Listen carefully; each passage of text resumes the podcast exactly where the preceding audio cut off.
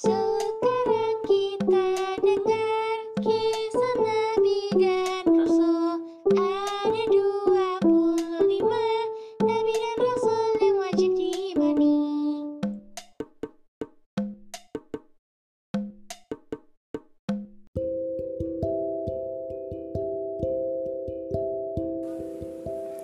Bismillahirrahmanirrahim. Assalamualaikum warahmatullahi wabarakatuh. Baik adik-adik Hari ini aku akan bercerita tentang Seorang nabi yang diutus oleh Allah subhanahu wa ta'ala Untuk Memperingatkan kaum Ad Jadi kaum Ad adalah sebuah kaum yang ingkar kepada Allah SWT. Tersebutlah sebuah daerah bernama Al-Ahqaf, yaitu padang-padang pasir yang dipenuhi gunung pasir dan dari puncaknya kita bisa melihat lautan. Di negeri itu tinggal sebuah kabilah yang bernama Ad. Bangsa Ad memiliki ciri khas tubuh yang tinggi dan tegap. Mereka terkenal karena kekuatan fisiknya. Bangsa Ad tinggal di tenda-tenda besar dengan tiang-tiang yang kukuh dan tampak megah. Tidak ada bangsa lain pada masa itu yang bisa menandingi kaum Ad. Sayangnya, fisik yang bagus tidak dibarengi dengan ketaatan beribadah kepada Allah Subhanahu wa taala. Akal kaum Ad tertutup kegelapan. Mereka adalah kaum penyembah berhala. Allah Subhanahu wa taala mengutus Nabi Hud alaihi salam untuk membawa kaumnya kembali ke ajaran tauhid. Menyembah hanya kepada Allah Subhanahu wa taala. Namun setiap Nabi Hud alaihi salam menyeru, "Wahai kaumku, sembahlah Allah. Tiada Tuhan bagi kalian selainnya." Pada surat Hud ayat 50, maka kaum Ad yang tersesat itu malah menaruh curiga. Mereka menuduh Nabi Hud ingin menjadi pemimpin mereka melalui dakwahnya. Mereka juga menuduh Nabi Hud alaihissalam mengharapkan imbalan. Sedangkan Nabi Hud alaihissalam tidak mengharap imbalan apa pun selain imbalan dari Allah Subhanahu wa taala. Kaum Ad tidak menerima dakwah Nabi Hud alaihi salam untuk menyembah Allah Subhanahu wa taala.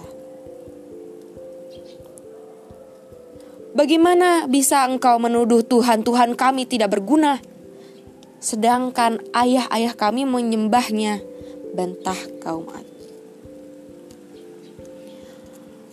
Orang tua kalian telah berbuat kesalahan, jawab Nabi Hud alaihissalam.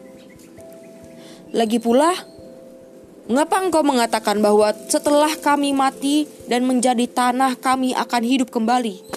Tanya Nabi, tanya kaum Ad itu kembali.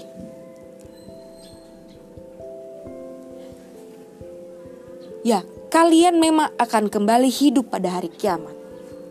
Allah Subhanahu wa taala akan bertanya kepada kalian tentang apa yang kalian lakukan semasa hidup tegas Nabi Hud alaihissalam.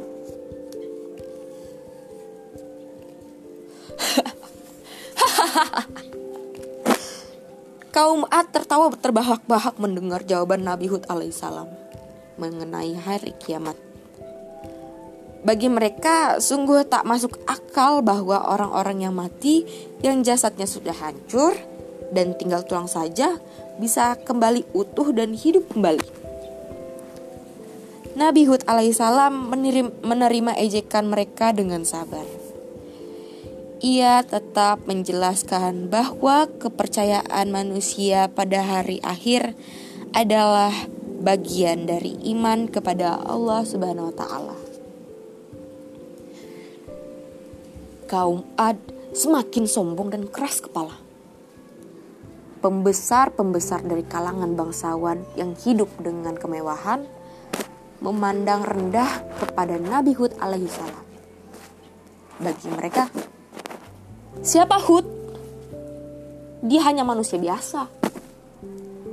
Bagaimana mungkin Allah Subhanahu wa taala memilih manusia biasa untuk menyampaikan kebenaran?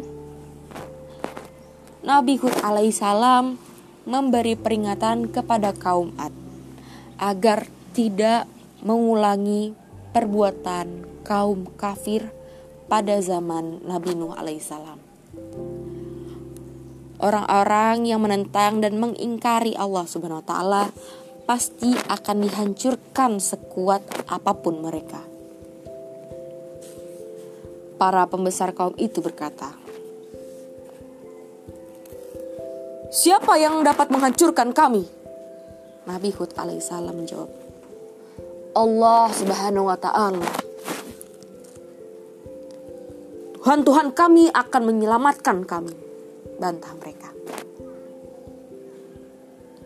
Kamu telah menghina Tuhan kami. Hud. Kamu akan tahu akibatnya. Mereka akan marah dan menyihir kamu menjadi gila. Duduk mereka.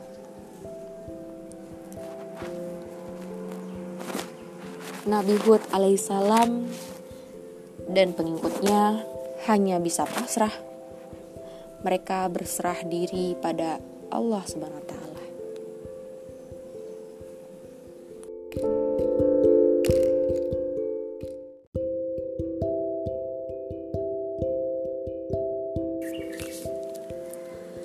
Tak lama setelah peristiwa tantangan dari kaum Ad yang sesat, negeri mereka dilanda musim kemarau yang amat panjang.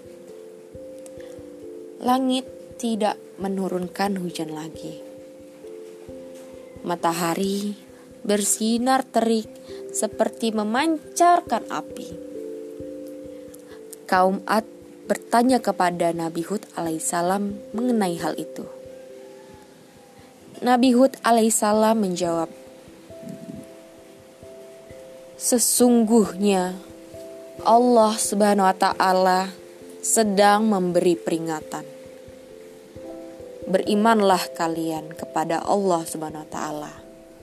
Maka Allah Subhanahu wa taala akan menurunkan hujan dan menambah kekuatan kalian. Akan tetapi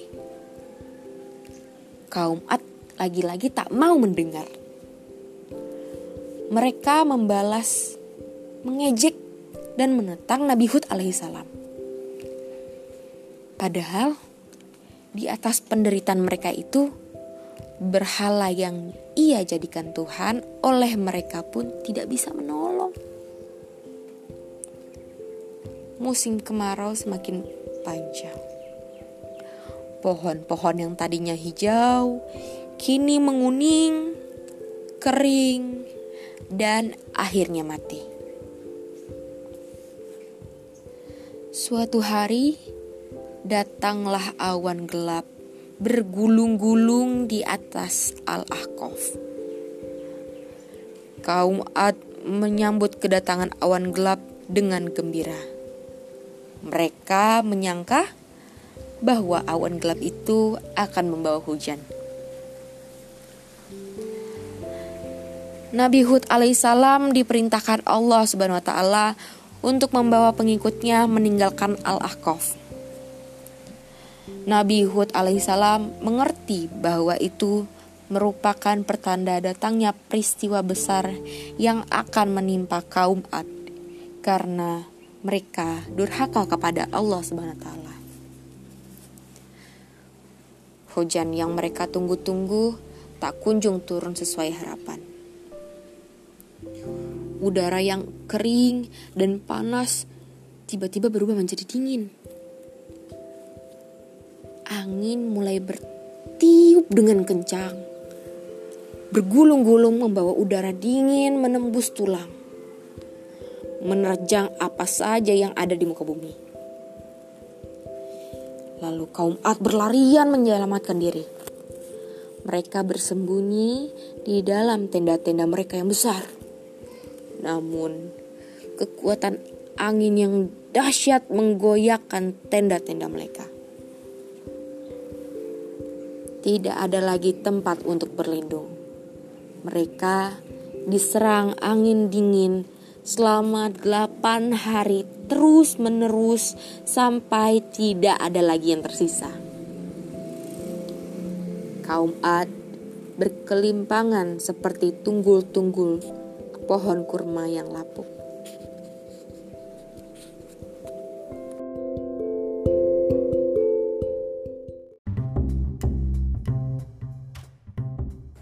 Alhamdulillah kita sudah selesai mendengarkan kisah Nabi Hud.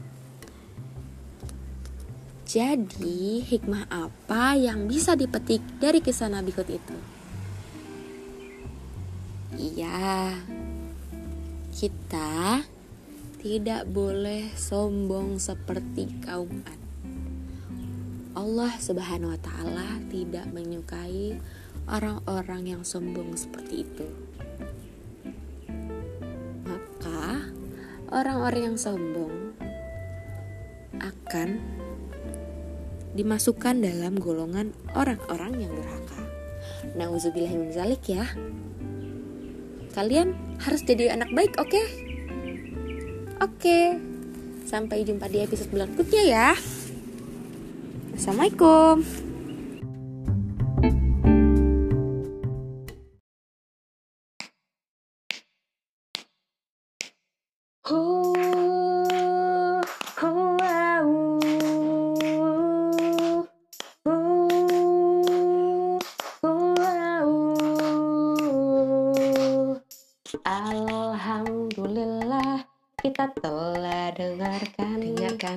Salah satu kisah Nabi dan juga Rasul juga Rasul. Terima kasih sampai jumpa lagi Jumpa lagi. di episode berikutnya. Jangan kamu